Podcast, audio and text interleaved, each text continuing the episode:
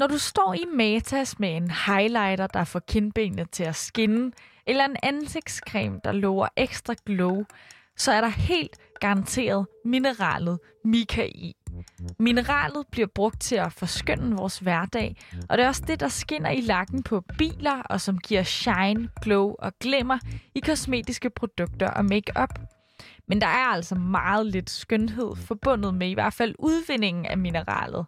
Det foregår blandt andet i Indien, hvor fattige familier og børn kravler ned i gamle, nedlagte mineskakter og risikerer livet for få kroner om dagen. Det gør de uden beskyttelse og sko. Og under coronakrisen har mange mistet jobbet i Indien, og det har fået flere til at søge mod de nedlagte miner. Og med sig har de deres børn. Børnenes skoler er jo lukket, og de er altså nu med på jagten efter de her billige mineraler. De skal sælges videre igen og igen, indtil de på et tidspunkt ender i makeup og cremer herhjemme. Derfor har du som forbruger heller ikke en jordisk chance for at gennemskue, hvor Mikaen stammer fra.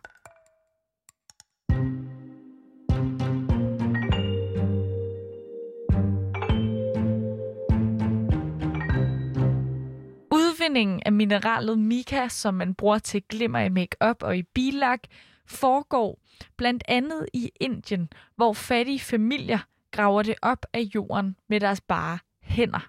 Men mineralet bliver solgt igennem så mange led, at du som forbruger slet ikke kan regne ud eller gennemskue, hvor mineralet stammer fra.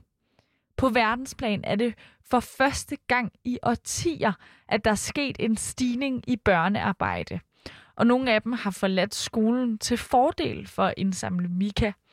Og herhjemme, der har kosmetikvirksomheder svært ved at garantere, at der ikke er børnearbejde bag deres glimmer. Du lytter til Udsyn, som i dag er produceret i samarbejde med Danwatch. Mit navn det er Nana Mille.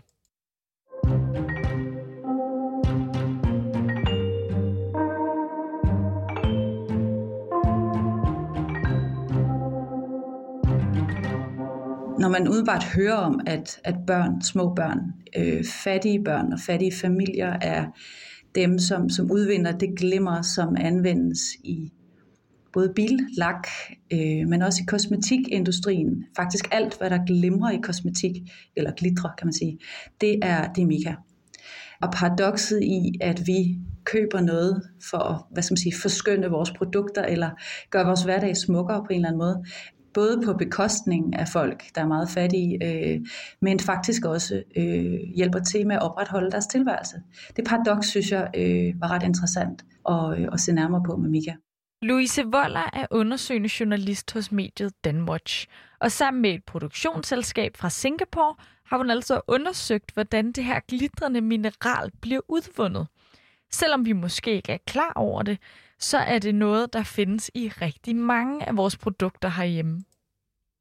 Det findes i det, vi smører i ansigtet, glimmer, kosmetik, øh, hvad skal man sige, concealer, øjenskygge, lipgloss, faktisk også i typer af cremer eller puder findes der det her glimmer, som, som bliver udvundet øh, fra et, altså mineralet. Ikke? Og så findes det jo egentlig også i, i lakken på vores biler, og så findes det øh, i vores elektronik, fordi at øh, Mika har en egenskab, som gør det meget anvendeligt øh, i, i elektronisk udstyr. Indien er et af verdens største producenter af Mika. Det er en kostbar eksportvare for landet, og den vigtigste indtægtskilde for de mere end 300.000 mennesker, der udvinder mineralet i den indiske delstat Jharkhand. Af dem er 22.000 børn. Det viste en rapport i 2018. Men efter corona, så er der sket en stigning i antallet af børnearbejdere. Altså corona har jo i hele verden gjort svære situationer endnu sværere for verdens fattigste, fordi de bliver langt mere udsatte. Dem, som måske havde et job i forvejen, de har mistet det. Børnene, som måske har haft lejlighed til at gå i skole, de kan ikke gå i skole, fordi at skolerne lukker. Og når det sker, så tager, øh, så tager far og mor jo deres barn med ud og, øh, og arbejde igen. Og i det her tilfælde, øh, så skete det jo også i Jharkhand-staten i Indien, at, øh, at langt flere børn pludselig øh, samler Mika sammen med deres forældre under coronapandemien. Indien er en af verdens største producenter af mica. Men lige så længe Indien har produceret mica, lige så længe har fattige familier ledet af at indsamle mineralet fra undergrunden og sælge det historisk, da man begyndte på det her, for mange, mange år siden, øh, der var det jo øh, store, veletablerede miner, øh, som virksomheder øh, stod for at udvinde. Og der var også samtidig fattige familier, som går rundt i minerne eller omkring minerne, øh, i skovene, som ligger om, øh, omkring minerne, og indsamler mikaen. Du skal forestille dig, at det her mineral er en flage, det ligner en lille sten, øh, som er helt, helt papirstynd og den indsamler man, og så renser man den for jord, og så putter de det i en tæk. I dag der er minerne blevet gjort ulovlige, og derfor har virksomhederne forladt dem. Men Mikael findes der stadig, og det lokker fattige familier til at udvinde mineralet i de efterladte miner. Og det er jo altså overordentligt farligt, ikke? fordi det er gamle øh, mineskakter, som ikke længere bliver, øh, så bliver, ikke længere bliver vedligeholdt. Familierne har ikke nogen sko, de har ikke noget arbejdsudstyr, de har ikke sikkerhedsudstyr, og de bevæger sig ned i mineskakter og hakker løs med, med sådan, hvad de nu har af hakker selv. Og så samler de så øh, rester af Mika op. Og vi, vi har sådan nogle billeder af, af helt små børn, der sidder med hver deres kurv i skrædderstilling, og så sidder de bare og sorterer. Altså på lang afstand, der kan det ligne små børn, der sidder i en sandkasse, men i virkeligheden, så sidder de sådan meget systematisk øh, og, og leder efter de her glænsende flader af mineraler. Mineralerne bliver samlet i sække og så solgt videre til en mellemmand. Så, så er man heldig, siger en af vores, en af vores kilder, at hvis man har to sække, så, så har man mad nok til den dag. Og så kan man sælge det videre til en mellemmand, og så kan man købe mad nok til den dag. Minearbejdet det er livsfarligt, og det har altså også sundhedsmæssige konsekvenser. Vi hører også fra læger i, i området, at folk har flere lungeproblemer, fordi der er jo meget støv relateret til, til det her Mika-indsamling. Der er brækkede knogler, øh, fordi at folk falder eller miner styrter sammen. Folk alene i 2021, altså her i år, her i foråret, så er tre miner, ulovlige miner styrtet sammen over folk, og folk er blevet dræbt. I 1950'erne var der 700 aktive miner i Shakhand, men for at beskytte skoven og naturen, blev der i 1980 indført en lov, der gjorde det hele forbudt, altså at leve af skoven. Og det gjorde det så også ulovligt at udvinde mika derfra og derfor tør folk ikke at melde til myndighederne, når, når der sker ulykker øh, i de her områder.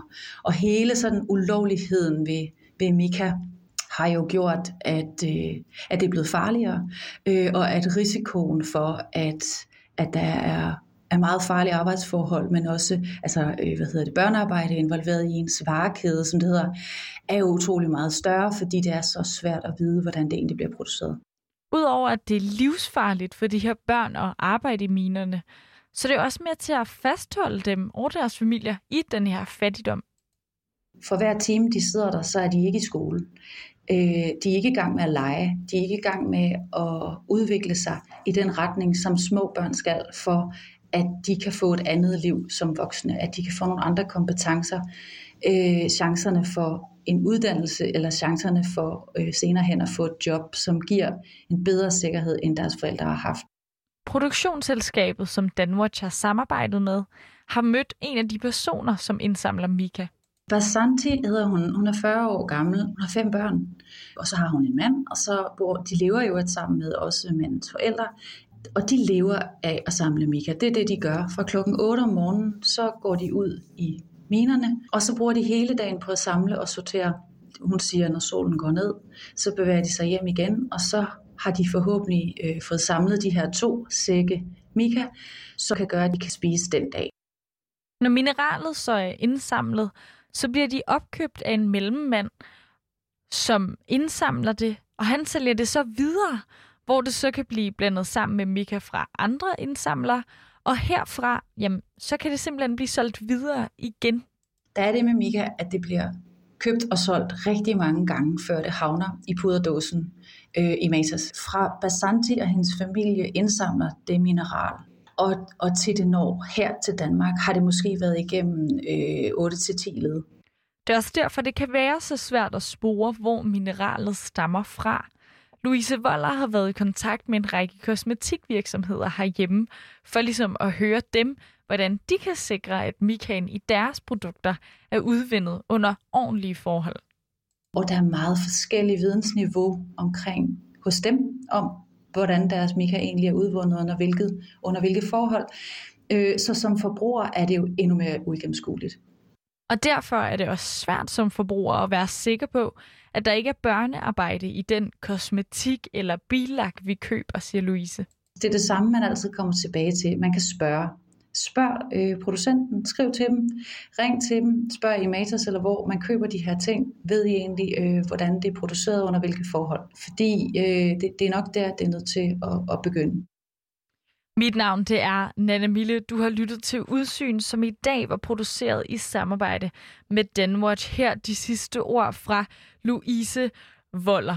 Du kan læse meget mere om mikroudvinding og børnearbejde. Det kan du gøre på www.danwatch.dk.